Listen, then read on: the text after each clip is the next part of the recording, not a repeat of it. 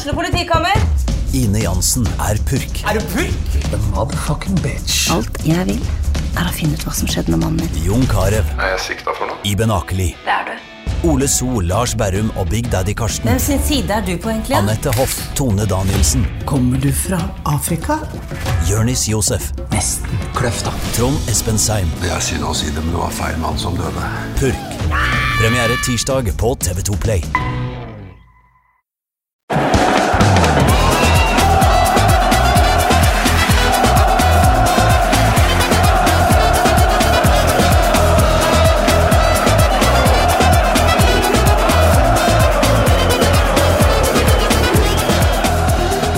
Og velkommen til en ny episode av Pyro og Pivo. Etter to og en halv time forrige uke så trodde dere kanskje at vi var ferdig med Afrikamesterskapet. Men så dere Tunisia-Mali forleden, eller? Jesus Christ! Uh, men vi hadde uansett tenkt å snakke mer Afrika likevel, fordi uh, min uh, svirebror fra Berlin-turen for et par måneder siden, doktor Eirik Anfinsen, er nemlig tilbake. Hei, Eirik. Hei, Morten. Godt nyttår. I like måte. Har du hatt en gledelig høytid? Ja. Det er vanskelig å si noe annet. Mm. Det har vært eh, preget av eh, stillhet Ja vel. og eh, Du som relativt nybakt Oi, far. Ja. Som Skjedde ikke dette forrige gang du var her også? Nei, jeg husker ikke, men nå syns jeg det var mye sprut her. Ja, spruta over hele rommet.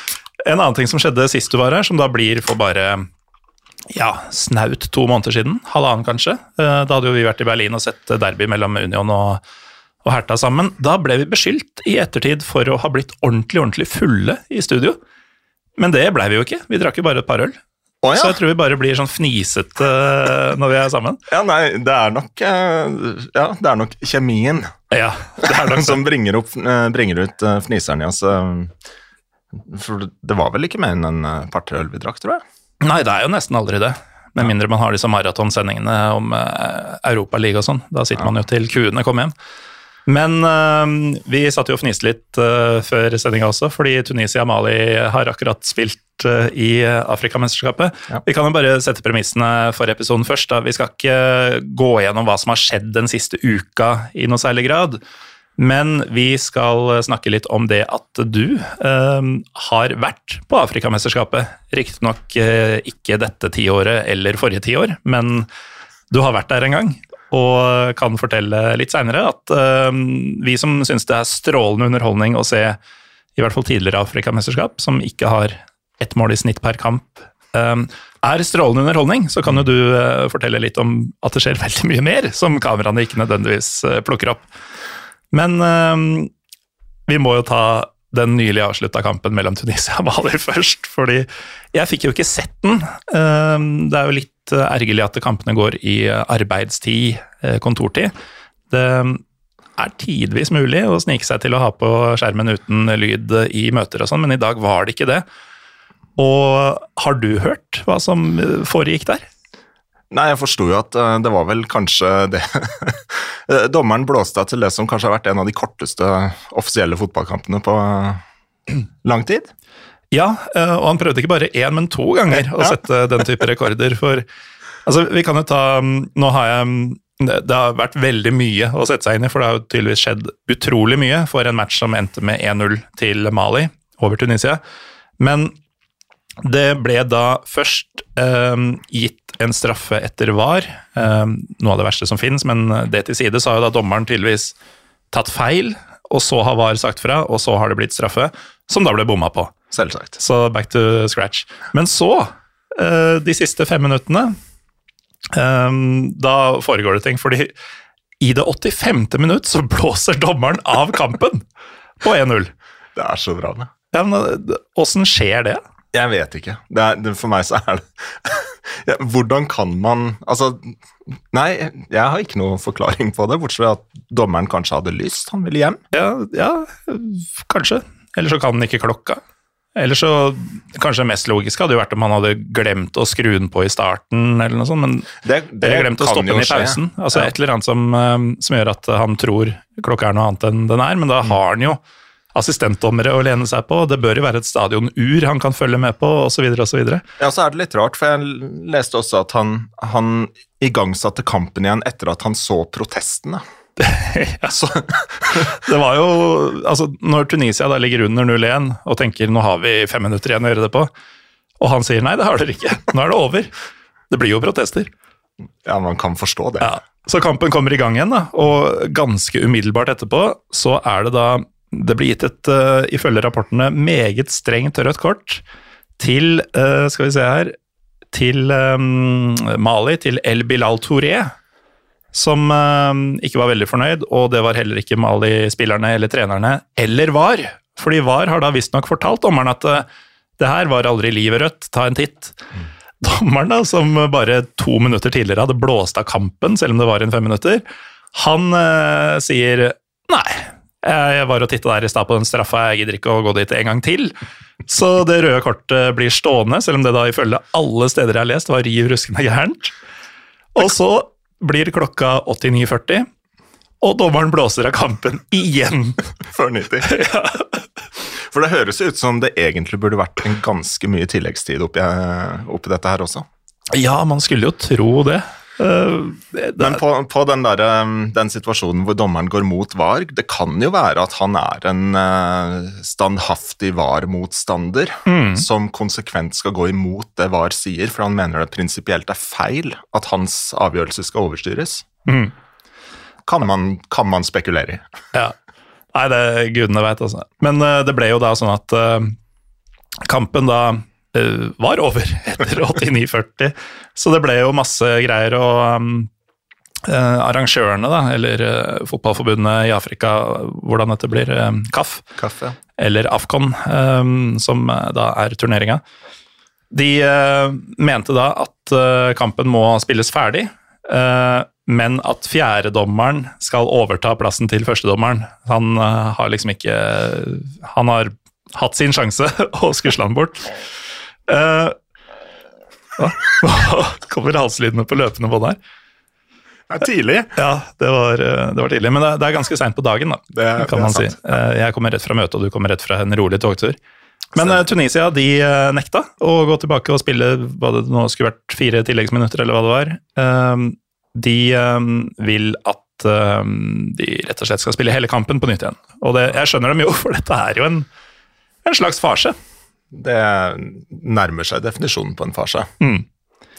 Så Siste ord er neppe sagt her, men grunnen til at det er verdt å ta opp det her, er jo at det mesterskapet så langt, det har jo vært Det har ikke vært spektakulært. Det har definitivt ikke vært et fyrverkeri. Det har jo stort sett endt 1-0. Mm.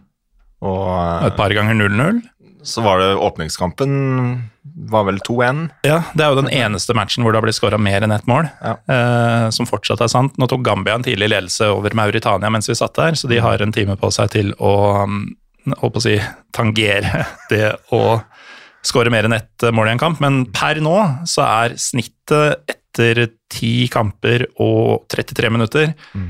Eh, ett mål per kamp i mesterskapet. Det og, det, og, det, er ikke det elleville galskapopplegget med opphentinger fra 0-4 til 4-4 og sånn, som man kanskje forventer? Nei, det, det er uh, rett og slett litt sånn um, ja, Jeg vil ikke si skuffende, men uh, det var litt uventa at det skulle være så treigt så lenge. Uh, tenker tilbake på det som vi skal snakke litt mer om etter hvert. Uh, Afrikamesterskapet i 2008. Mm. Jeg tror da var det snitt på over tre mål per kamp. ja, og det er jo det man det man kanskje forventer litt, og så kan man jo si hva man Man kan jo tenke sitt om det at man forventer at det skal være galskap, eh, men det, det er jo en viss empiri på det. Da. At det, det, har jo skjedd ganske mye. Det har vært mange uforglemmelige matcher og, um, og vrier i matchene i uh, historien. og Akkurat Mali-Tunisia i dag er jo faktisk en av disse. Ja, Den der går jo fort inn i historiebøkene som en av de mer bisarre mm. uh, avslutningene på en kamp. Det, det, kan man si. Det var jo litt um, Hvem var det som fikk straffe etter 95 minutter? Det tror jeg var um, uh, laget til Sadio Mané uh, Senegal. Senegal var det mm. som tok den helt på tampen. Ja. Det var jo også litt sånn Det var litt spennende, men det tok jo 95 minutter før man kom dit. Ja. Nei, og det, altså, At det blir få mål, det er jo ikke sånn superunderholdende, men det betyr jo at kampene beholder jo nerven da, Ja. uh, lenge. Um, men altså, generelt så har det ikke vært veldig mye mer spennende å se på uh, mesterskapet enn det har vært å se en episode Farmen, for alt jeg veit, så langt. Så får vi satse på at det tar seg opp. Veldig interessant sammenligning. Ja, ikke sant? Jeg, kan, jeg husker ikke sist Jeg tror jeg kun har sett på Farmen én gang, og det var da han godeste Gaute Grøtta Grav Ja. stakk av med Jeg har aldri sett på Farmen, det er derfor jeg tenker at det er grått og kjedelig. Men- grøtt, grøtt og kjedelig. Grøtt og, grøtt og grovt. Um, Gaute Grøtta Grav, altså for et, uh, for et navn. det slår meg at Jeg er ikke helt sikker på om det er det han heter, men det er vel det. Jeg tror det, altså. Ja, han har jo gått over i musikkverdenen han, etter hvert. Ja, Han har gitt ut noen plater og greier. multi, uh, multikunstner, rett og slett. Han kommer til å Nei, nok om han. Um, du var jo da uh, Altså, vi må jo da Jeg kaller deg alltid doktor Eirik. Ja. Og du er jo faktisk doktor, uh, selv om du ikke er av den medisinske sorten. Men akkurat i dag så er doktorgraden din litt uh, relevant, er den ikke det? Den er jo relevant. altså Grunnen til at jeg var til stede, var jo av studier og forskning som jeg drev med. Eh, For jeg har jo en doktorgrad i antropologi. Eh, Første gangen jeg var og gjorde feltarbeid i Ghana, det var i 2008. Det var i forbindelse med masterstudiene mine. Mm. Eh, Så da bodde jeg tidvis eh, i en liten by oppe i fjellene nord for eh, Accra, hovedstaden, og tidvis i Accra. Så har jeg vært fram og tilbake eh, i en del år, som har kumulert i, i en doktorgrad. Da. Eh, så all min empiri er jo henta fra, fra Ghana. Og fotball har jo vært en eh, altså, Hva skal man si? Altså, man, fotball er mye rart. Det er jo 22 mann på banen, det er eh, et penge, en pengemaskineri osv., osv., men det er jo også et sosialt fenomen. Eh, og det er vel der min primære interesse for fotballen egentlig ligger. Og det er alt det fascinerende som uh, fotballen bringer. Uh, altså mellom mennesker, da. Og det er jo det egentlig Pyro Pivo handler om også. Så akkurat i dag så er du en, eh, en ideell gjest. Altså, du er mer velsmakende enn eh, fiskekaker i, eh, i denne sammenhengen, doktor Eirik. Det, det, det er kanskje det rareste komplimentet jeg har fått, men Det er ikke sikkert det er det heller. Et kompliment. Én kompliment. Nå har det blitt sidestilt for øvrig. Nå går det an å si ett kompliment. ja, altså, at det ikke har vært sidestilt, er for meg et mysterium. Mm. Det, det har irritert meg i mange år. For det føles helt unaturlig å si én kompliment. Mm. Og da skal det også være komplimenten. Ja, og det er jo helt på trynet. Bare tull. Bare Ja. tull. Men øh, ja, øhm, du var jo da Altså, vi har nå etablert at du er interessert i veldig mye av det som kommer i tillegg til selve spillet. Mm. Eh, og det er jo ingen tvil om at det skjer mye på tribunene og i byene og så videre under et Afrikamesterskap som eh, vi som bare ser kampene på TV, ikke får med oss. Mm. Eh, og du var jo da i ditt hva skal vi si, andre hjemland, eller tredje. Du eh, har Tredje. vel kanskje Tyskland som nummer to. Ja, tredje, tredje hjemland, Ja. vil jeg kalle det. Men du, du var vel ganske komfortabel i Ghana på det tidspunktet da mesterskapet gikk? Eller var det nytt og spennende for deg da? Det var fortsatt ganske nytt og spennende. Mm. Eh, Jeg kom til Ghana kun halvannen måned før mesterskapet. Eh, Jeg egentlig aldri dit. Mm. Eh, Og så ble det litt endringer i planene mine som gjorde at jeg endte opp med å reise dit uten å egentlig forberede meg. Så jeg fikk eh, Høres ut som en bra del av masterstudiet. Bare havne et sted uforberedt. Ja. det, er, det er jo litt i antropologiens ånd sånn sett, egentlig, når man tenker tilbake på det. At det er kanskje et forsøk på å rettferdiggjøre mangelen på forberedelser. Men mm. Det har jo en verdi å være fullstendig fremmed til hva man omgir seg av. For da får man et uh, helt unikt blikk på ting. Uh, så jeg kan jo velge å det, det er det perspektivet jeg tar, da. Du velger Så, det. ja, jeg velger det. Men uh, på tida da Afrikamesterskapet eh, gikk av stabelen i 2008, så hadde jeg um, ganske nylig flytta til eh, hovedstaden, altså til Accra. Mm. Hadde bodd uh, i en liten by som heter Akropung i en måneds tid. jeg ser du smiler. Det er en, eh, en Akropung. Um, og eh, jeg fikk muligheten til å være med på Det var vel ikke Ghanas første kamp i mesterskapet, men den andre kampen deres, som var mot Marokko.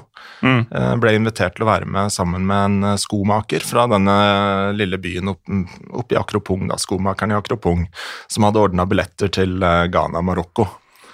Prøver du å si navnet på byen mange ganger nå, bare for å sette meg ut? Jeg skal se hvor mange ganger jeg må si det før du begynner å le høylytt. Ja.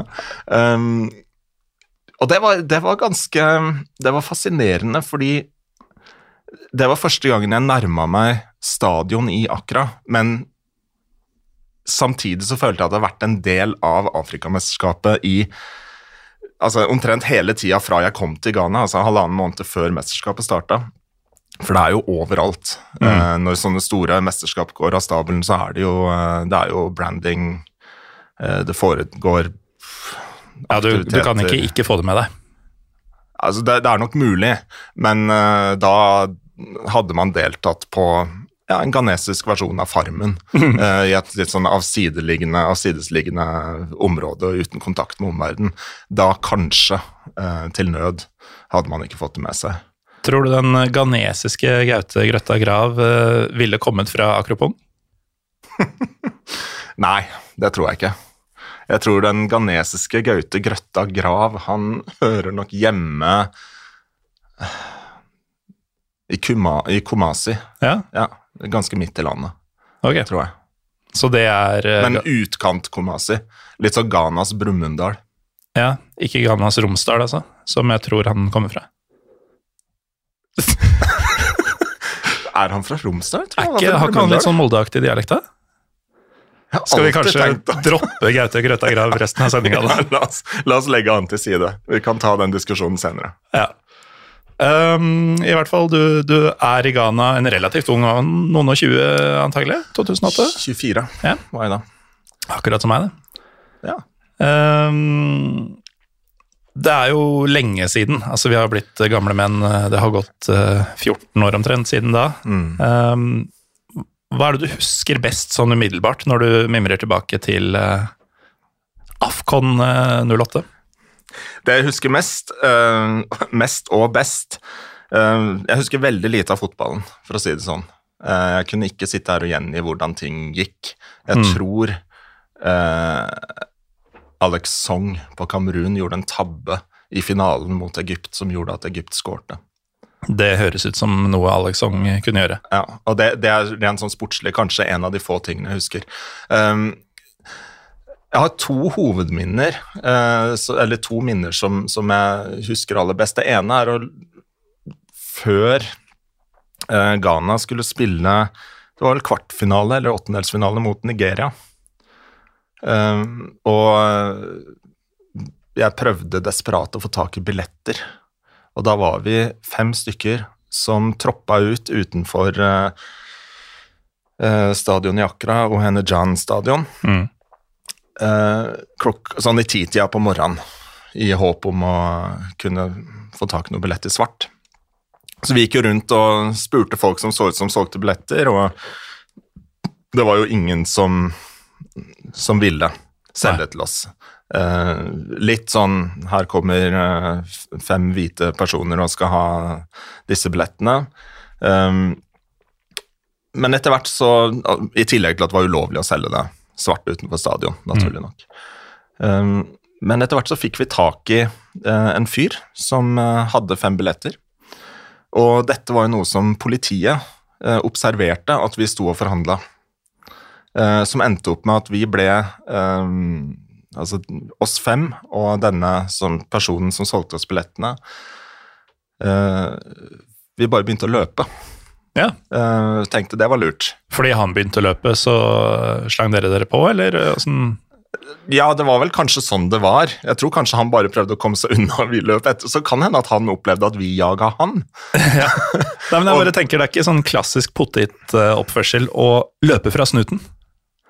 Nei, det er Så dere må eh, ha blitt inspirert på et vis. Ja, altså for meg Du kjenner meg jo uh, som en ganske rolig fyr som egentlig ikke ville løpt fra snuten. Ja, Du kunne komme fra en innlandskommune, liksom. Hadde jeg ikke visst bedre. Ja, nei, det Ja, jeg kunne. Men jeg er jo fra Romsdal. um, Som vi hører. Ja.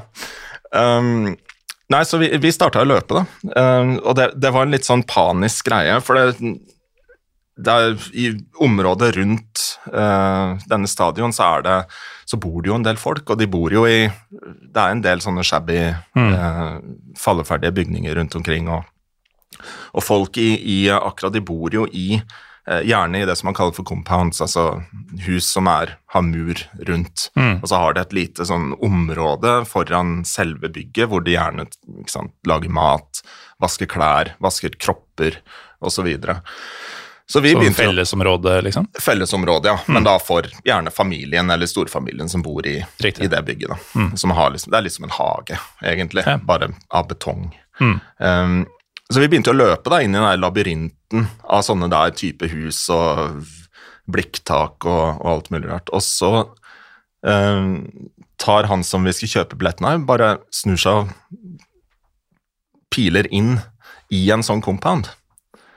Eh, Hvor tydeligvis vi tenkte sånn, ok, her bor han. Um, det gjorde han ikke. Nei. Og der kommer vi inn, og der står det en mann på ja, Han er kanskje 1,90 høy, og altså, ghanesere er ganske fysisk Ja. flotte. Vestafrikansk eh, fysikk er ofte ganske robust. Ja, eh, og der sto han, da, splitter naken oppi ei lita balje med såpevann, og sto og vaska seg. Og så plutselig var han da omgitt av eh, fem eh, europeere og en lettere desperat billettselger. Mm. Og pulsen var ganske høy akkurat da, altså. Og det, politiet så ikke at vi stakk inn der, så vi faktisk fikk tak i denne billetten. Da. Ja, for han selgeren hadde dem fortsatt? Ja, ja. Ja. Ja. Eh, Så da gjorde vi resten av handelen inne i den kompaen, mens han fyren fortsatte bare å vaske seg. Ja. Så det, det var ganske sånn Det var litt sånn surrealistisk å tenke tilbake på, for alt skjedde veldig fort. Uh, først liksom i minuttene etterpå, da vi rusla tilbake mot stadion, tenkte jeg, politiet kjenner ikke oss igjen. Det, det er, Glemte dere hvem dere var, eller? ja, jeg tror nok vi gjorde det. Men de, de, eh, etter hvert så begynner det å komme mye folk, ikke sant. Og, og, um, så vi kom oss jo unna, da. Ja. Så vi hadde jo da billetter til denne Nigeria-kampen. Um, jeg fikk jo aldri sett den Nigeria-kampen. Nei vel? For dette er den andre tingen jeg husker veldig godt. Fordi jeg eh, har jo i mellomtida søkt opp eh, dette mesterskapet og kamper og sånn, og tror at denne kunne vært verdt å få med seg. Altså. Den hadde sittet i minnebanken en stund. Ja, eh, det var en av de kampene som Ja, som stikker seg litt ut, da. Mm. Ghana fikk vel et rødt kort ute i andre omgang også, da det var uavgjort, tror jeg. Det kan godt hende. Jeg ser egentlig bare på resultatet nå, hvordan, eh, hvilken rekkefølge ting skjedde, men Jeg tror, eh, hvis jeg ikke husker helt feil, tok Nigeria ledelsen. Så utligna Ghana, så fikk Ghana rødt kort, og så skårte Junior Agogo i Ja. det 85. Tredje. minutt, 83. minutt. To minutter før kampen skulle vært avblåst. um, men eh, men vi, jeg kom meg jo ikke inn på den kampen. Og det er, man skulle tro at jeg er bitter. Ja, jeg, vil være, jeg er bitter på dine vegne. Ja, eh, og jeg er litt bitter er jeg, men samtidig så er kanskje mitt favorittminne fra hele Afrikamesterskapet er ene og alene fordi at jeg ikke hadde billett til den kampen. Jeg sto i kø for å gå inn på stadion, så kommer det en sånn liten tuter, da. Jeg er sikkert 14 år, eh, liten ghaneser. Og dumme Eirik eh, står med billetten i en eh, veske, og han bare nappa billetten ut av veska mi og pila av gårde. Og jeg var litt sånn lamslått. Eh, tenkte Hva faen skal jeg gjøre nå? Eh, og jeg var litt eh, Jeg tror nok en av grunnene til at jeg var litt sånn perpleks og, og apatisk i det øyeblikket, er også fordi det er en ganske sterk kultur for å Altså, man skal ikke være en tyv. Eh, og du blir ikke nødvendigvis sendt til politiet om du blir tatt for å stjele noe, men det håndteres der og da. Eh, ofte i form av bli banka opp, eh, osv. og så. Og det er noe med Vil man være den personen som setter i gang en sånn, sånn hendelse? Ikke sant? Det var jo allerede en ganske stor dag for deg, eh, med tanke på all løpinga og all, all den nakne vasken av både kjønnslepper og hva det nå skulle være, som du hadde vært vitne til. Jeg var ikke så mye kjønnslepper, da, men mye penis. Ja, Ja. kanskje meste. Ja. likevel. Det, det begynte kanskje å bli nok i drama. Ja, og øh, det er klart jeg rakk ikke å gjøre alle disse refleksjonene akkurat i det øyeblikket, men jeg hadde kanskje hatt nok med politiet å gjøre den dagen allerede når jeg løp fra de. Eh, Men det som jeg gjorde da, var jo de andre kom seg jo inn på stadion.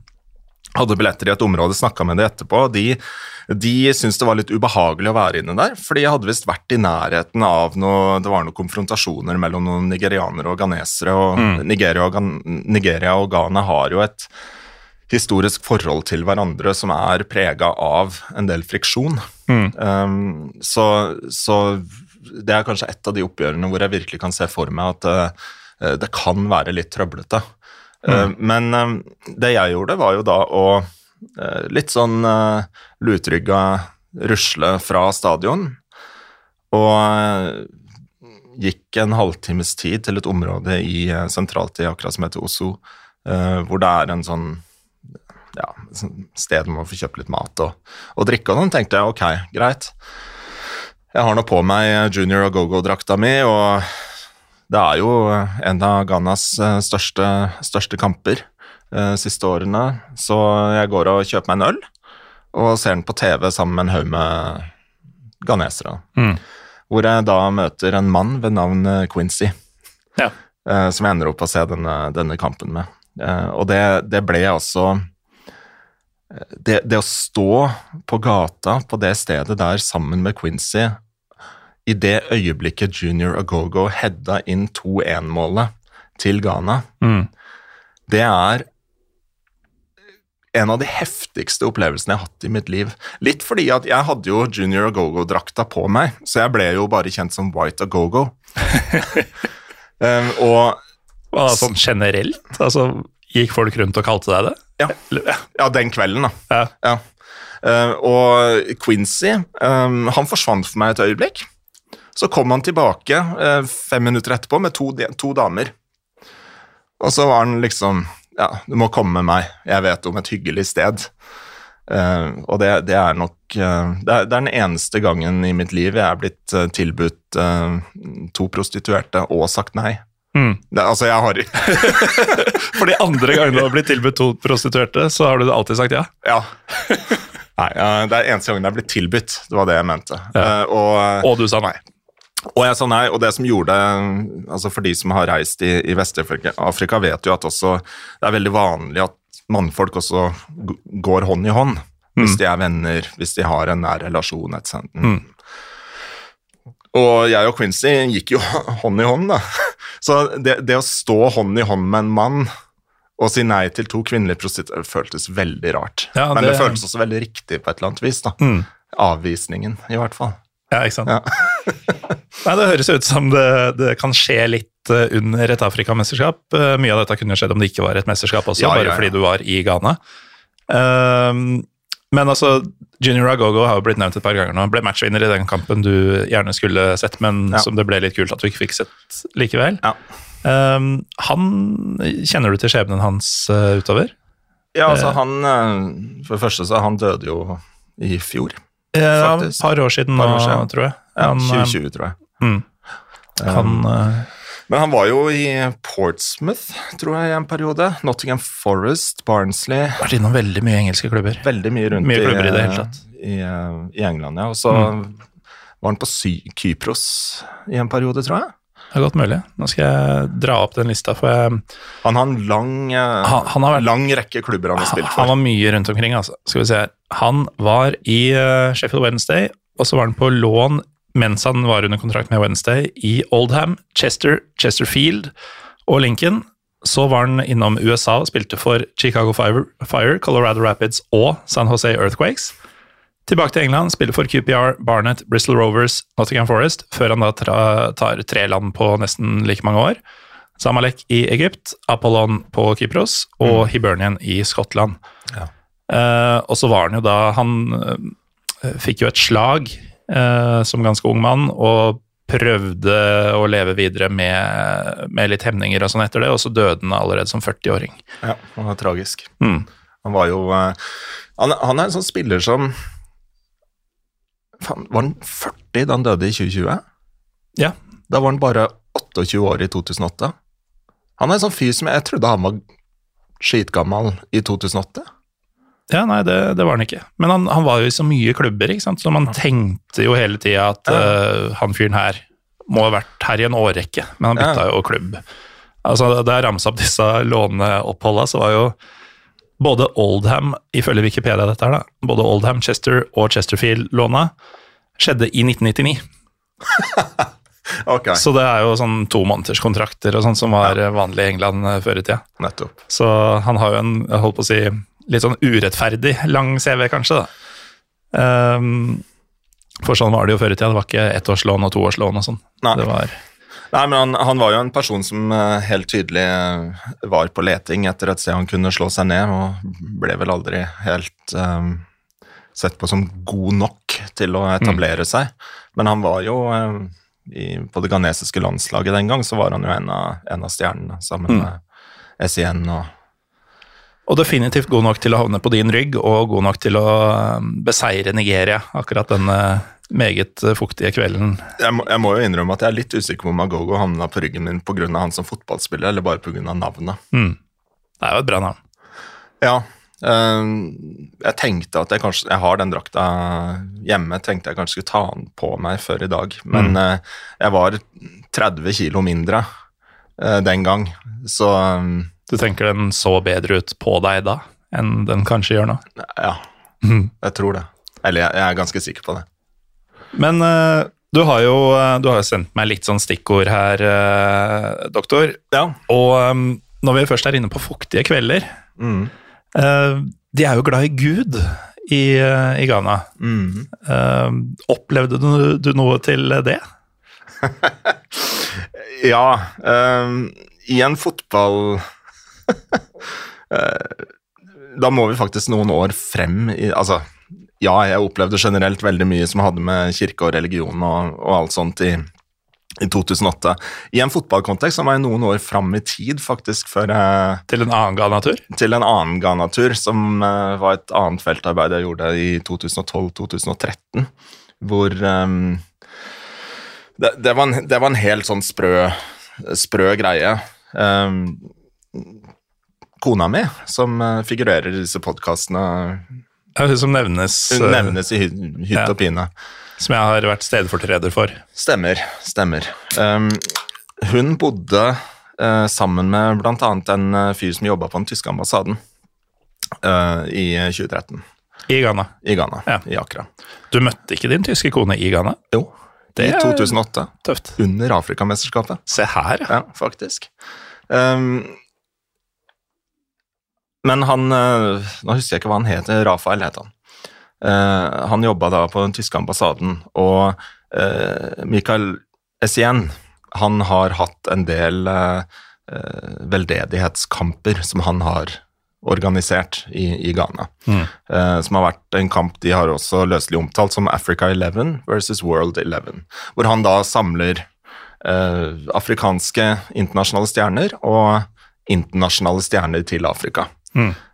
for å gjennomføre en kamp hvor alle inntektene går til et eller annet veldedig formål i, i Ghana. Gjerne i nærheten av hans hjemby. Uh, og i forbindelse med disse veldedighetskampene så ble det arrangert en sånn velkomstfest for alle disse fotballstjernene og viktige personligheter. Da. Uh, og tyske ambassaden er jo en betydelig institusjon, for å kalle det det. Mm. Mangler et bedre ord. Så denne Rafael fikk eh, spørsmål fra ambassadøren om han kunne representere tyske ambassaden. Og, og det takka han jo selvfølgelig ja til, og jeg fikk jo da være hans pluss én yeah. uh, på eh, State House da, i Akra. Uh, hvor, um, hvor vi da så for oss at uh, der skal vi komme inn, ikledd selvfølgelig hvit skjorte, dress, alt mulig rart, og vi skal se på en velkomst, en sånn åpningsgreie, og så videre. Og den kvelden starta med at Rafael og jeg gikk til eh, et hotell som heter Ambassador Hotel, som ligger i litt sånn rikmannsområde, ikke så langt unna State House, hvor vi bare skulle varme oss opp litt med noen, med noen øl og prøve å omgås viktige mennesker. Bare for å få oss inn i den, eh, det mindsettet. Mm. kom vi opp til, eh, opp til eh, State House, og der står vi. Og der kommer jo spillerne, én etter én. Da har vi eh, Michael Ballack, eller eh, Michael Balzac, som du liker å omtale han som. Jeg gjør ofte. Ja. Um, Jibril Cissé, Emmanuel Adebayor, Ricardo Carvalho uh, og Emmanuel Adebayor Uh, So good you had to mention him twice. Ja, Den var to ganger, da. Ja, um, det var en annen Emanuel som var der. Eboe, kanskje? Ja, jeg lurer på om det kan være han. Um, men vi, vi, um, så var vi der, da, og det var jo da fri bar. Så det ble jo mye fuktigere enn hva jeg hadde trodd. Ja. Det ble ikke to øl for å bare leske strupen litt. Nei, det ble mye. Mm. Uh, og det er den eneste gangen i livet mitt altså Jeg sto i ølkø sammen med Jibril Cissé. Det var veldig uh, morsomt bilde av det. Jeg var sånn oppstasa i dress og hvit skjorte. Han står der i en sånn hvit singlet med en sånn teddybjørn på. Og da ikke bamse, men en, en annen teddybjørn. Eh, og så hadde de hadde en presentasjon av lagene på, på scenen, da, hvor um, selvfølgelig du hadde et utvalg av store stjerner, som SIN, som Mm. uh, Ballak Som de nevnte. Som de nevnte. Uh, og helt sikkert flere som jeg ikke husker. Og så var det noen andre som var litt mindre kjente. Um, for hver av spillerne skulle liksom si hei og velkommen. Mm. Og da var det én uh, som skulle spille på World Eleven, eh, som Han sa et eller annet sånn Jeg er litt usikker på hvorfor jeg er her. for han var en midtbanespiller for Torquay okay. i, på tredje nivå i England. Ja, i beste fall, tenker jeg. Ja, i beste fall. Og han var sånn Her står han sammen med alle disse, disse stjernene, men han har blitt plukka ut, da. eh, av, Så det er tydelig at SIN kjente han. Men, men den kvelden ble veldig fuktig, og, og etter selve festen der oppe så skulle det være konsert med Wyclef Jean Ok. eh, nede på eh, stadion i, i Accra, Mm. eh, som også bare var et steinkast unna der. Det gadd ikke Rafael og jeg. Nei. For var, da var vi litt sånn fed up med Fått nok av Adebayor og Ballak og Cissé og ja. Vi har fått de bildene vi trengte, og vi snakka med de vi trengte å snakke med, og, og følte at nå, nå er tida for å komme oss ned på jorda igjen. Mm. Så vi hadde tenkt oss på en, en pub, eller en bar, som heter Republic, uh, som ligger I Lillestrøm. i Lillestrøm. Um, så vi begynte å gå. Nei, eh, Den heter Republic, men den ligger definitivt ikke i Lillestrøm. Den ligger eh, faktisk ikke så langt unna der vi så den Nigeria-kampen, um, i Oslo. Eh, Et sted som er kjent for at alle drinkene deres, i stedet for at de bruker vodka osv., så, videre, så bruker de apeteshi, som er måte den lokale, Mm. eh, lokale spriten destillert fra raffia uh, palmetrær. Um, Er litt sånn palmeoljesprit, eller? Ja, på et vis, men veldig, veldig god. Og de har noen aldeles fantastiske eh, drinker på det stedet. Vi hadde tenkt oss dit, da. og så gikk vi gjennom et sånn nabolag med igjen sånne compounds, og, og så begynte vi liksom å Vi var ganske uh, våt, våte. Vi, vi kjente på fukten, eh, og, og um, Dere var svette? vi var ganske svette. Ja, og, det er nok ordet du så etter. ja, men eh, svett, man blir jo våt av svette. Jo da. Ja, men Simen at «Nei, jeg var på løpetur, jeg er så våt.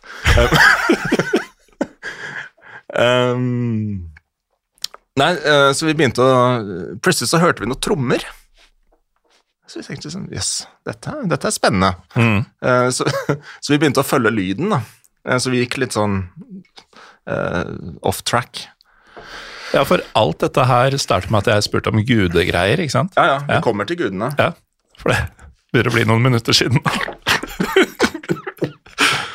Og mens eh, doktor Eirik prøver å ikke sprute den nye inntatte pilsen sin over hele studio, så kan jeg bare skyte inn at jeg har tatt meg friheten å sette på Montenegro, nei, Mauritania mener jeg, mot Gambia. Det er derfor du ikke følger med. Eh, Jeg følger godt med. Nå andre, andre omgang begynte nå, men jeg bare må skyte inn at eh, Mauritania har dritfete drakter. Oi. Ja, det syns kanskje ikke så godt eh, Nå blir det god radio her. Kanskje ikke så godt sånn på disse oversiktsbildene, men det var en spiller som ble bytta ut i pausen nå. Og Da fikk jeg et nærbilde, og fant fikk plutselig for meg at eh, kanskje jeg skal ha på en Mauritania-drakt, men det håper jeg slår fra meg i løpet av veldig få sekunder nå. Ja, vi skal klare å snakke det ut. Ja. Nå, nå ble jeg faktisk litt våt. Ja, ja nå, nå, ble du det. Ja, Det var ikke meningen. Fordi- Jeg søkte feil. Ja. Men eh, det har gått et par minutter siden du eh, skulle begynne å snakke om ganesernes forhold til Gud og sånn, og du har blitt våt av eh, øl i virkeligheten. I historien så har du blitt våt av svette, og hører noen trommer. Ja, så vi følger trommene, og der um, eh, Da kommer vi til en barneskole. eh, hvor det da er en lokal kirke som låner et klasserom for å kjøre en sånn all night service. Eh, og vi var Ja, det var vi veldig klare for. Så vi gikk jo inn i dette klasserommet og ble ønska velkommen, og eh, det endte opp med en en eh, fire timers lang dansesession inne i dette klasserommet, hvor vi var litt sånn i midten, for vi var jo disse to hvite mennene som kom inn fra mørket inn i klasserommet. Mm. så det, helt, det føltes helt absurd å ha liksom et rom med folk som ber for deg, og man danser for deg, og Men vi var jo så fulle, og vi var Vi var Så så fulle at det var en god idé å dra på en all night gudstjeneste Ja, og det var altså på en barneskole. på en barneskole. Og vi var Da ble vi våte, da. altså, jeg var helt gjennomvåt av svette. Og alt kom til en litt sånn brutal, rar slutt. Når plutselig vi ser to andre hvite personer som står i vinduet og bare stirrer på oss. Og det var da to canadiere. Som trodde at jeg og Rafael var to evangeliske misjonærer Ah, som leda denne gudstjenesten. da tror jeg dere har gått ganske, ganske dypt inn i rollen altså, som eh, deltakere der. Hvis Vi- dere så ut som Vi var Vi dansa sammenhengende i nesten fire timer. Og det ble jo en veldig rar samtale med de to der ute, fordi De var faktisk misjonærer sjøl? Nei, nei. Nei. De var bare to personer som hadde vært på den puben som jeg, vi egentlig skulle til. Mm.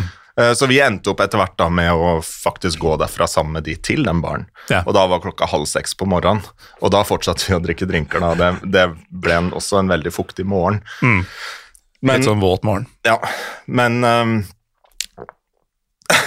Spørsmålet ditt Så ja, altså, Gud er eh, fryktelig viktig, eh, og, eh, og eh, Hva skal man si, det er, det er noe som gjennomsyrer stort sett alt man driver med der. Eh, navn på butikker, ikke sant? en av mine favorittbutikker i området som jeg, som jeg eh, bodde i 2013, som ikke var i, i Akra, men på grensa til Elfenbenskysten. En av mine favorittbutikker der, ikke pga. hva de solgte, for jeg vet ikke hva de solgte, men navnet på butikken var Clap for Jesus. Og liksom, det er i, i den tråd, da. Um, så det er jo noe Alle som prislappene står bare 'your soul' i stedet for en sum. Ikke sant. ikke sant. Det, men, men det er en sånn fascinerende blanding av uh, denne uh, Hva skal man si Den kristne Klart, mitt forhold til Ghana er primært til Sør-Ghana, som er i all hovedsak et kristent område. Kommer du til Nord-Ghana, til Tamale osv., så, videre, så så er det er mye mer et, et muslimsk område. Så mm. jeg er ikke så kjent med det. eh, livet som, som folk lever der, men det er klart, i, i Sør-Ghana og i det området som, som jeg bodde i 2013, så, så var det, det er en sånn fascinerende blanding av denne tradisjonelle kristne troen og eh, åndeverden, da, eh, som, som faktisk er levende vesener i lokalsamfunnet Ja. i den ene landsbyen jeg bodde, så hadde de, et, eh, de hadde en, en, en gudefamilie, en åndefamilie, som bodde i utkanten av landsbyen, eh, som ingen visste at bodde der, da. Før eh, et ungt par eh, hadde hatt sex ute i bushen der, og begge to ble veldig syke. Og det viste seg da at eh, her var det en åndefamilie som bodde, og det er de som har gjort dem syke, fordi at disse hadde sex Det er jo eneste eh, foran huset deres. Mm. Eh, og dette var da Grunnen til at de ikke kjente, eh, kjente til dem, var at dette var guder da som såkalte small gods, som har- kom fra India, som har kommet med flyet. Mm. Og etablert seg i bushen der, da. Så, så det er sånn Er dette mennesker som folk kunne se? Nei, nei. Nei. Men de har da... med, min, med mindre du er eh, eh, en heks eller trollmann, ja, for da kan du se inn i den eh, spirituelle verden. ja, Så denne ganske rike bakgrunnshistorien om at disse har kommet med fly fra India, Mm. den har da en eller annen heks, trollmann, uh, Ja, funnet ut av. ja, eller en eh, De bruker begrepet fetish priest, eh, som kan kommunisere med disse små gudene. Riktig. Eh, og han har da tydeligvis vært i dialog med dem da, og funnet ut hva, eh, hva dette handler om. Men man tror da på sånne ting samtidig som man er kristen? I aller høyeste grad, ja. Mm. For dette er ikke Når det gjelder disse små gudene og disse åndene, så er ikke det Det er ikke så mye en en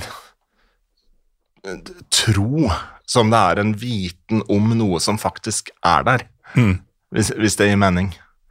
Ja, eh, jeg syns jo aldri religion gir mening. Men, Men, men det, er no, det er også, hvis du går tilbake og ser på forhistorien og hvordan disse gudene har kommet og, du, kan- du, kan, du kan si sånn at uh, når du snakker med ghanesere, kan du se at det er veldig mange som har like navn. Kwame, Kwesi, Ja. Kojo, uh, Akwa osv. Og, og det er jo uh, I Ghana har man sju navn som er knytta til åndeverden. Eh, som, så hvert kjønn har sju navn, eh, som du blir gitt avhengig av hvilken dag du er født. Okay. Eh, så uh, Kofi Annan, for eksempel, tar ikke helt feil, så er han født på en fredag. For det er Kofi okay. uh, som er det. F- han har da og, og dette henger da sammen med ja, ånden for den dagen, og så videre og så videre. Så dagene i Ghana er oppkalt etter disse åndene? Nei, dagene er mandag, tirsdag, onsdag Ja, ja, på, Torsdag. ja på engelsk selvfølgelig. Nei, nei på, på norsk. Nei, nei, men altså, de snakker jo engelsk eh, i stor grad Ja. i, i Ghana. Ja. Uh, men coffee er fredag, sa du? Altså, Nav navnet Kofi betyr, født, altså betyr at du er født på fredag. sånn, ok, Ja. da henger jeg med. Så jeg er, hvis jeg ikke husker helt feil, så er jeg Kojo, fordi jeg er født på jeg lurer på om det er mandag eller onsdag. jeg husker ikke. Nei, du veit ikke hvilken dag du er født? Hvem er det som går rundt og veit sånt, da? Jeg ble født på en fredag. Da, da ble det fest. Ja, interessant. Mm. Den festen har aldri tatt slutt. Apropos ting som aldri tar slutt, det er jo eh, anekdotene som ikke har noe med fotball å gjøre. Um, hvis vi bringer tilbake til dine erfaringer med Afrikamesterskapet, du har jo eh, Altså, vi, vi var litt inne på det i stad. Det var eh, Du skal være ganske sånn sanseløs om du ikke merker at det er mesterskap i landet. Mm. Eh, hvordan merka du mest? Altså, hvor, hvor gærne var de i Ghana eh, under 2008-mesterskapet? Det var deg. det var meg. Ja. Under mesterskapet Nei, altså, det er jo Det, det som er litt interessant, var um, Hvis du ser på tilskuertallene på kampene, Mm. så er det stort sett Ghana sine kamper som er eh, utsolgt. Og Ja. fullsatte tribuner.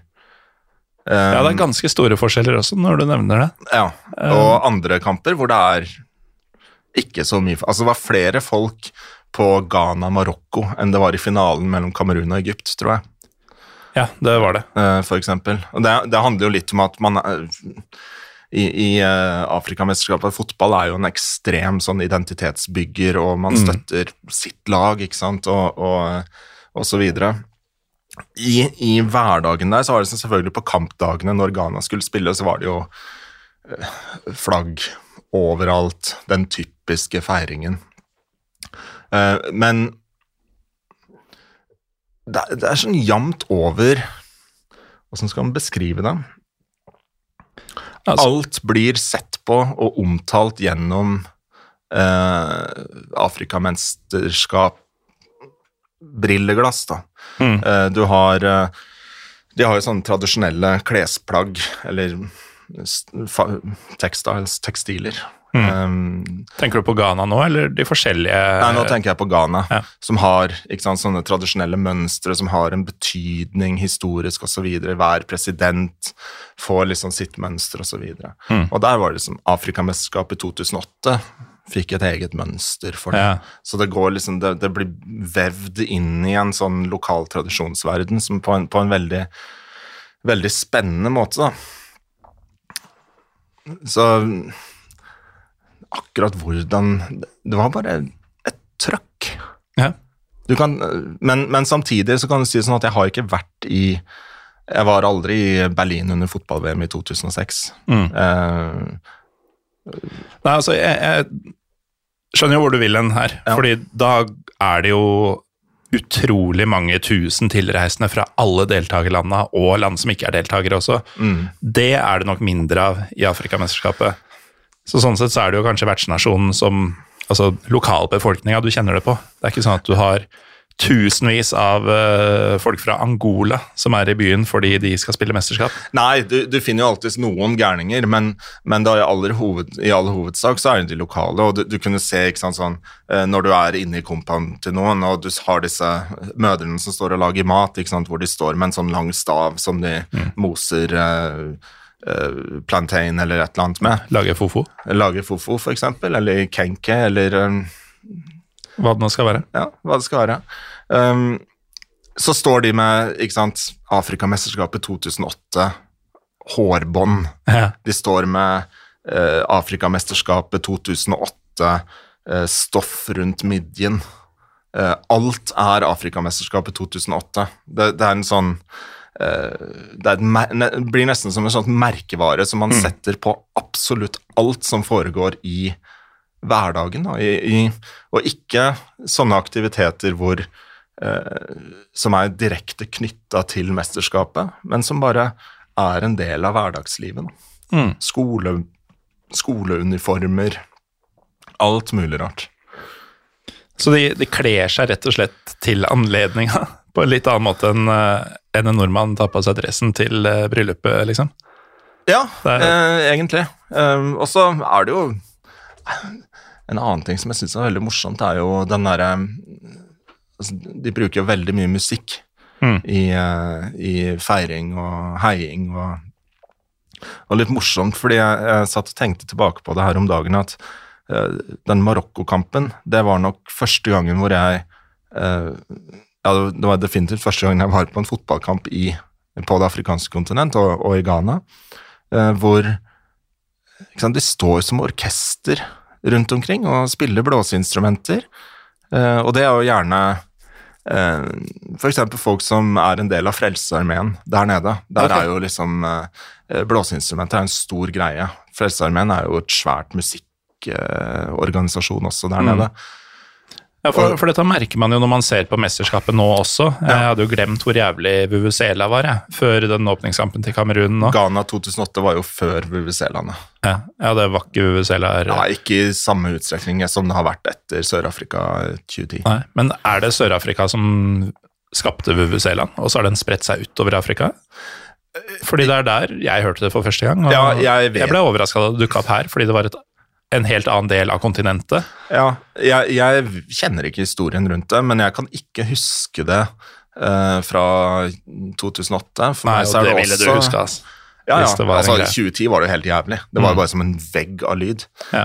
Men uh, det som er fascinerende å se, er jo ikke sant? De, de prøvde jo uh, På Briskeby i 2011 så hadde de jo et korps som var inne og spilte i 90 minutter. Spilte smooth med Santana, og eh, det var vel daglig leder i HamKam som måtte ut etterpå og si at dette skal vi aldri gjøre igjen. Nei, unnskyld, folkens. Ja, eh, og det, Jeg vet ikke om de hadde latt seg inspirere av uh, hvordan man eh, skaper tribunekultur i, i eh, mesterskap som Afrikamesterskapet, f.eks.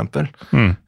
Men bruken av blåseinstrumenter og trommer, det er ganske fascinerende, og det er veldig mye dans på tribuna. Eh, ekstremt mye koreografert Mm. eh, aktivitet. Veldig lite pyro, Ja. veldig lite sanger. Ja, for det, det var jo litt det jeg skulle fram til også. Det, det jeg har lagt merke til i mesterskapet nå, er jo da at det var mye Vuvuzela på noen av kampene. Eh, men på omtrent alle kampene jeg har sett, så har det vært eh, liksom korpsmusikk Mm. eh, av et eller annet eh, slag. Mm. Eh, og dette med koreografi, det var jo under samme Kamerun-kampen, så var det jo et felt på den langsida du ser fra hovedkameraet. Mm. så var det jo en gjeng som sto og vifta kontinuerlig på sånn derre om det var sånn tre sekunders intervaller eller noe sånt. Opp med flagget, ned med flagget. Og de var jo satt da i en formasjon som utgjorde et svært Kamerun-flagg. Nettopp. Uh, må ha vært utrolig slitsomt, for det går jo rykter om at det er sånn 35-40 grader der på de tidlige kampene. Ja. Eh, og dette var en ganske tidlig kamp. Ja, nei, og det, det er fascinerende, for det, det kan minne litt om Når du beskrev det, så tenker jeg litt på um, Det var vel første Berlin-derby mellom Union Berlin og Hertha, hvor Hertha hadde eh, jakker Ja, i det blått og hvitt. ikke sant? første i Bundesliga Ja. i eh, 2019. Ja, hvor de på en måte sto De var plassert på eh, Mm. borteblokka på en måte så du liksom fikk stripene, og så flytta de på seg eller vrengte jaktene sine eller et eller Ja, annet sånt. nå. så ble det en ny eh, formasjon Eller ny Da gikk de fra horisont, vertikale til Ja, horisontale noe striper. Um, og det, det er litt det man ser uh, også på Afrikamesterskapet, men ikke bare to farger, Mm. uh, men hele flagg. Det var vel en eh, kamp nå de sto og vifta med noen hvite papirgreier også. Det er, men, men det er en helt annen tribunekultur enn hva du finner i europeisk fotball. Da. Ja, virkelig. Og um, hvis uh, Vet ikke om den fortsatt ligger på NRK, men hvis den gjør det, så har du jo Fotballkrigen, som Bård Tufte Johansen uh, lagde for tolv år siden, eller noe sånt. da. Mm. Uh, hvor jeg tror de to første episodene er Istanbul og Soveto. Ja. Uh, altså Fenerbahçe Galatasaray og Kaiser Chiefs Orlando Pirates. Og det er jo mildt sagt uh, en forskjell i hvordan folk oppfører seg, og hvordan folk håndterer både forberedelse til kamp og uh, selve tribuneopplevelsen. Det var for øvrig en fantastisk serie. Hmm, Jeg syns den var veldig god. den var fin. da. Eh, nei, men det er, det, er en, det er en kjempestor forskjell, og, og det er klart du har Du har nok hatt tilfeller Det er litt derfor jeg sa det tidligere med at det, det er ikke vanlig at det er veldig mye eh, klammerier på tribunene. Du finner ikke support Det er ikke noe hooligans i Afcon. Det er ikke masse eh, ghanesere og nigerianere som møtes i bushen for å slåss. Ikke sant? Det, det, eh, og hvis de gjør det, så vil jeg gjerne høre om det, fordi det, det høres veldig sært ut. Um, litt, derfor jeg, var litt overraska over de som fortalte at på den Ghana-Nigeria-kampen hadde det vært litt klammerier og slåssing, eh, som hadde vært ganske ubehagelig. For det, mitt inntrykk er at man, man i aller I hvert fall på nasjonalnivå, altså på landskamper, um, at fokus er mye, mye mer på å heie frem sitt eget lag og, og um, feire på en måte det som identifiserer sitt land, fremfor at man skap, bygger opp en, en slags eh, eh, friksjon, eller, eller hva man skal kalle det. Men samtidig så er det jo den eh, stadion i Accra eh, Der har man jo hatt den største største stadionulykka i Afrikas historie. Hva skjedde? Eh, 2001, tror jeg. Hvor Accra Heart of Oaks, tror jeg, Mm. Eh, spilte mot uh, Koto um, Asante Kotoka, eller hva det heter. Altså hoved, største lag i Accra mot det største laget i Komasi, som er liksom de to største byene. Hvor um, det ble en del uh, bruduljer oppe på tribuna, hvor politiet svarte med å bare spraye pepperspray inn i folkemengden og lukke utganger. Mm. Eh, Så det var vel noe sånt som 120 mennesker som døde. Glemte jeg det sånn, da? Ja, trampa i hjel. Og det- Jeg har jo blitt uh, tåregassa et par ganger i Tyrkia. Å ja, ja. Og det som er med det, er at jeg skjønner hvorfor folk blir trampa i hjel. Fordi opplevelsen av at du blir kvalt, um, samtidig som alt det andre ubehaget, da, at det renner av øya dine, og du, det renner av nesa di, og, og det svir i huden og alt mulig sånn, men, men det føles som at man ikke får puste, og det er kjemperart, for du får puste. Det er ikke farlig i seg selv. Det er Litt sånn waterboarding. eh, Du føler at du drukner, men du drukner ikke. Ja, type greie. ja, jeg har ikke blitt waterboarda, men hvis det er som du beskriver, eh, og du har jo blitt det noen ganger av eh, Det er sånn jeg stort sett blir våt. Ja. ja det, jeg har aldri spurt verken deg eller din kone om deres eskapader, og det skal jeg fortsette med å ikke gjøre, merker jeg nå. Ja, men jeg gir deg noen drypp. Ja, noen våte drypp. Eh, Men eh, altså, er det mange nok som ikke holder hodet kaldt, da, og skjønner at selv om jeg tror jeg blir kvalt nå, så puster jeg jo faktisk. Så er det ikke rart at man uh, gjør alt man kan for å komme seg vekk fra situasjonen. Og er dørene stengt, så blir det jo trengsel.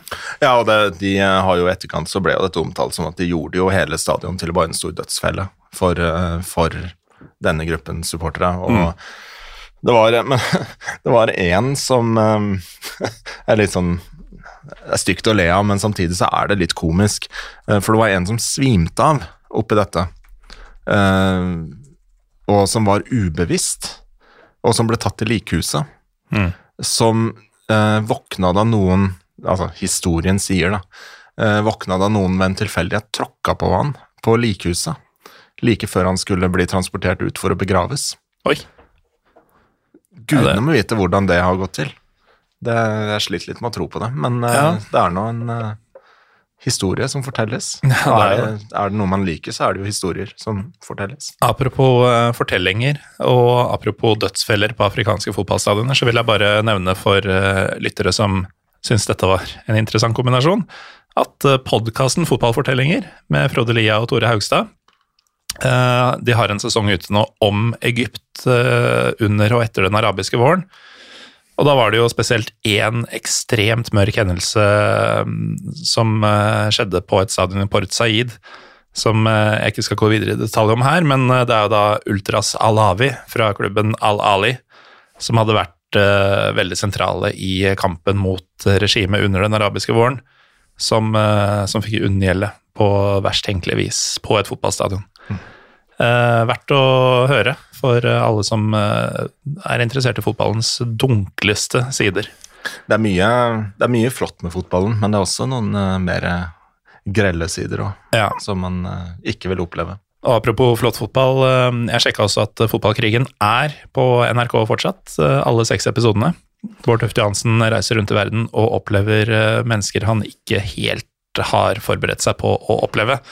Jeg, jeg syns en av mine favorittscener i den serien, det er vel han er på det oppgjøret i um, uh, Iran, Mm. hvor han står og synger en, en, um, På låven sitter nissen, Ja. for at det bare skal se ut som han synger. Mm. Det er en eh, svært underholdende greie. Jeg ser uh, Mauritania-Gambia er faktisk fortsatt Det er 1-0. Ja. Det, det blir 1-0. Det er eh, 68 minutter spilt nå, og det Mauritania ypper seg litt, faktisk, men eh, de ser ikke ut til å ha noen sånn voldsom gjennombruddskraft eh, her, altså. Jeg tenker du skal være et relativt dårlig lag for å ikke skape noe særlig mot Gambia, men Gambia er jo ikke en stor uh, fotballnasjon. det er jo ikke det. Altså, Det er ikke en stor nasjon i det hele tatt. Nei, det er bokstav, altså, bokstavelig talt det er en, et lite land. Mm. Men Senegal er jo ikke et stort land, det heller, for det ligger jo Nei, Gambia ligger inne i Senegal, gjør det ikke det? Er ikke Gambia Nå eh, en stripe langs elva? kommer vi til å bli eh, beskyldt for å være fulle igjen, eh, doktor Eirik. Nei, nei, nå vi bare sørger for at vi har fakta. Er det det vi gjør? Ja. Så hva var det du sa? Gambia er en elv inni Inne i Senegal. Er du sikker på at du vil dette? Ja, nå ble jeg faktisk oppriktig nysgjerrig. Um, Ja. Nei, jeg, jeg, ja, ja, ja, se her. Se her.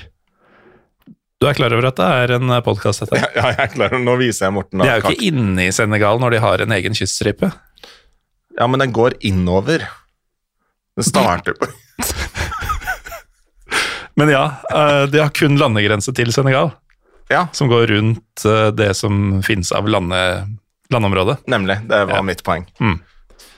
Eh, nå kommer vi til å få masse sånne der eh, enklave versus eksklave-tweets, merker jeg.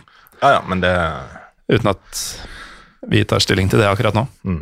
Uh, det høres ut som vi begynner å bli ferdig, Eirik, men uh, Ja, jeg har ett spørsmål. ja. Um, jeg lurer på om det var første kampen i Afrikamesterskapet i år. Mm. Det var Kamerun eh, mot eh, Burkina Faso. Burkina Faso. Gruppefinale allerede i første kampen. Et av lagene hadde en veldig rar drakt. Det så ut som de nesten hadde noen sånne hologramgreier Hmm. eh, på siden. Altså på ermene. Jeg vet ikke om du la merke til det. Det var, det var veldig, veldig rart. Jeg la ikke merke til det, men jeg driver og googler nå. Ehm, kan ikke si jeg har Jeg la ikke merke til det da, og jeg ser det ikke på de bildene jeg eh, kommer inn på nå. Nei. Men jeg tror jo på deg, og at dette er din opplevelse, og at du tror at det du så, var eh, virkeligheten. Ja, jeg liker jo å tro at det jeg ser er en del av virkeligheten, men samtidig kan man aldri vite. Nei, det er det. Um, det vi veit, er jo at uh, Vincent Abubakar, som ble trekket fram i forrige episode, ble forbausende lang om, om de sportslige aspektene ved mesterskapet. Jeg er dyp av beundring over Altså, jeg skulle gjerne visst hvor mange navn som ble nevnt i løpet av den podkasten. Mm. Ja, det, det, går jo an for folk å gå tilbake og sjekke. Jeg vil ikke anbefale det, men eh, det er åpenbart at Paul Thomas Clay og Benjamin Haji hadde gjort eh, forberedelsene sine. Eh, det er det ikke like åpenbart at du og jeg har gjort i dag, Eirik. Men vi, jeg tenker vi burde liksom avslutte på en litt sånn høydere. Altså, du var i Ghana under Afrikamesterskapet 2008. Ghana gjorde et bra mesterskap, kom til semifinalen. Ja, de kom på tredjeplass. De slo Nigeria, mm. tror jeg. Den er Elfenbenskysten. De slo Elfenbenskysten i, i bransjefinalen. Mm. Mm. Det stemmer. Um, hva var det gøyeste med å være i Ghana under den uh, perioden? Uh, altså Du har jo nevnt enkelthendelser, men sånn mm. generelt, altså kjente du på noe spesiell stemning i hverdagen, eller uh, var det noe som markant endra seg i byen uh, når mesterskapet var ferdig, som du kjente at oi, det her var dritfett mens det pågikk? Det er et jævlig godt spørsmål. Uh, rent personlig, for å dele spørsmålet opp i to, rent personlig uh, så tror jeg det var det som trigga den fotballinteressen som jeg har i dag. Oi. Um, for den var ikke sånn skyhøy i forkant? Den har alltid vært der. Jeg har alltid vært liksom Men jeg har nok vært den litt sånn uh, typiske nordmann som har fulgt med på engelsk fotball mm. og sett på tippekampen og fulgt med på Premier League. Så har det starta altså fascinasjonen for at fotball er mer enn fotball, og at uh... jeg, jeg, tror uten uh, Afrikamesterskapet Det var ikke mange månedene før jeg var og så Union for første gang. Mm. Hadde det ikke vært for Afrikamesterskapet, så hadde jeg kanskje ikke oppsøkt Union Berlin Energi Cottbus i sin tid. Eller kanskje ikke opplevd disse andre tingene enn den middelmådige fotballen som noe fett. Nei, ikke sant. Ikke sant. Og det det, det, det der var verre enn en halslyd, bare så du vet det. Ja, det var en lyd som kom fra halsen. Eller kom iallfall gjennom halsen. Ja, den, um, den, kom gjennom Altså, jeg hørte den i mitt headset, ja. så den kommer lytterne til å få med seg. Altså. Men det er fint. Vi skal dele. Mm. Um, nei, så, så, det er sånn rent personlig det, det som jeg syns var det flotteste med det mesterskapet, var måte det å få øynene opp for hvor mye fotball kan bety for mennesker, og hvor viktig det er Når du ser måten folk gikk rundt i gata og feira eh, fotball mm. eh, Møttes for å se fotball, gikk på stadion for å ta del i det spetakkelet som er en fotballkamp. Eh, men med en sånn god følelse, um, og ikke bare uh, en, en, en, kamp, men også en feiring av, av, noe som kanskje er større enn en selv som individ. Mm. Um, det, det, var en øyeåpner for meg, uh, og jeg tror nok Hvis det er én ting jeg tar med meg derfra, så er det den derre Jeg hadde aldri møtt Quincy før den kvelden. Eh, men hvis det er en aktivitet som får meg til å stå hånd i hånd med en mann og avvise to prostituerte, og likevel liksom Føler deg som en mann? Føler meg som en mann. det høres helt forferdelig ut. så, så, det er klart det, det, er noe spesielt med det. Mm. Um, ja, det, det, var et veldig rart og vagt svar på et veldig konkret spørsmål. Jo, men det um jeg tror vi bare sier eh, heia fotball, jeg. Jeg tror vi skal Og når si jeg sier det, så burde altså. jeg jo ha invitert Tete Lidbom eh, til denne episoden, som er halvt kanesisk. Ja. Det får bli neste gang, Tete. Sorry. Ja. Um, men ja, uh, takk doktor Eirik Anfinsen for at du kom hit for å snakke om noe annet enn Union, selv om det ble litt Union Mentions i dag også. Måtte jo det, og kan jo skyte Jeg syns det er så trist med Marvin Friedrich. Ja, han har altså i går, i eh, innspillende stund, så gikk han til München Mönchengladbach. Som jo faktisk, sjukt nok, ikke nødvendigvis er et sportslig steg opp. Nei, jeg Verken i fjor eller i år. Jeg forstår det ikke. Nei, jeg, jeg forstår det jo, altså som ja, de, har vel, sett, så- de har vel ressurser som Union ikke Ja, har, og de har plutselig vel er de i. Champions League uten at noen syns det er rart, mens at Union kom til conference i det hele tatt én gang, var jo sinnssykt. Og at de fortsatt kjemper om en sånn type plass sesongen etter, er jo enda galere. Det er jo eh, naturstridig. Få det- en uh, Slåttebekk, så eh, blir det ordning. Ja. ja, hvem som helst av dem. Ja, Men jeg liker Kevin, rett og slett pga. navnet hans. Kevin. Kev Kevin Slåttebekk. Ja. Ja, nei, det skal være feil navn for at uh, doktor Eirik skal uh, like dem. Uh, takk, Eirik, for at du tok toget helt fra Ottestad og hit for å spille inn denne episoden. Som, Alltid en glede. Eneste stedet jeg får drikke øl om dagen, så Ja. ja, den er fortsatt ganske ung, den sønnen din. Så skjønner at du må være på tå hev når du er hjemme. Um, du nevnte jo faktisk, det er pussig at du sa det, du sa i stad ordene 'daglig leder i HamKam' uh, om et eller annet som skjedde i gamle dager. Før vi uh, kom inn i studio her i dag, så møtte vi faktisk dagens daglig leder i HamKam, nemlig Bent Svele, som hadde spilt inn hockey, nei, håndballpodkast sammen med også HamKam-fan, faktisk. Det var faktisk det som trigga den eh, At jeg kom Harald på dette med korpset som spilte på Briskeby. Ja. Det var vel i 2011 eller et eller annet sånt noe. Tenkte at det hang sammen. Ja. Um, ja da. HamKam og håndballentusiastene Ben Svele og Harald Bredli dem møtte vi der ute, og de var veldig misunnelige på at vi hadde med en sixpack inn i studio. Det skal Ja. de også begynne med. Så neste podkast med dem blir eh, sannsynligvis like rørete som den her. Ja, da blir det ja, Apropos, jeg har jo på denne kampen. Vet du. Ja. Eh, Etter 77 minutter og 50 sekunder nå, så var det plutselig en gjeng med gambiske supportere som synkrondansa på tribunen. Ikke sant? Eh, Så ut som det var flere titalls, kanskje hundre. Ja.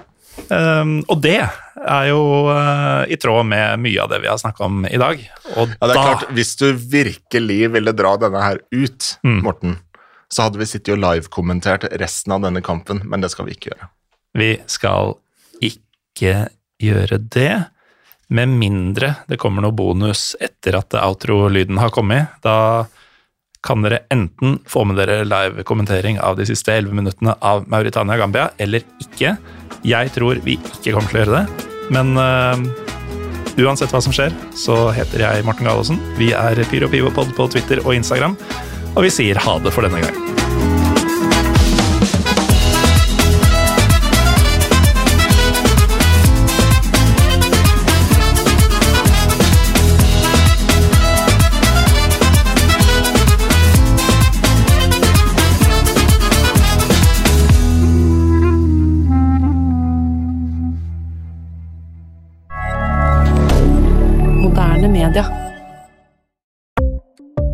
Ukens annonsør er HelloFresh. HelloFresh er verdens ledende matkasseleverandør og kan være redningen i en travel hverdag. Mange av oss har nok vandret i butikken både sultne og uten en plan for middagen, som ender med at vi går for de samme kjedelige rettene gang på gang. Middag burde være dagens høydepunkt. Som HelloFresh kan du nå velge mellom 25 ulike retter hver eneste uke, eller få HelloFresh til å sette sammen menyen for deg. Dette gir deg muligheten til å prøve nye og spennende retter alene eller sammen med familien. Du velger antall porsjoner og får alt levert på døren på et tidspunkt som passer for deg. Oppskriftene er enkle, og maten er lett å lage både for store og for små. Ved å få alt levert hjem får du også mer tid til å dele matgleden med familie og venner. Kanskje det frister med asiatiske tacos eller greskinspirert kylling? Da kan jeg anbefale deg om å gå inn på hellofresh.no. Her kan du bruke koden FOTBALL og få opptil 1779 kroner i rabatt på de første fem matkastene hvis du ikke har prøvd HelloFresh tidligere. Du kan også bruke rabatten hvis du har vært kunde og stoppet abonnementet ditt for tolv måneder siden eller lengre. Gå inn på hellofresh.no og bruk koden FOTBALL. Har du et enkeltpersonforetak eller en liten bedrift?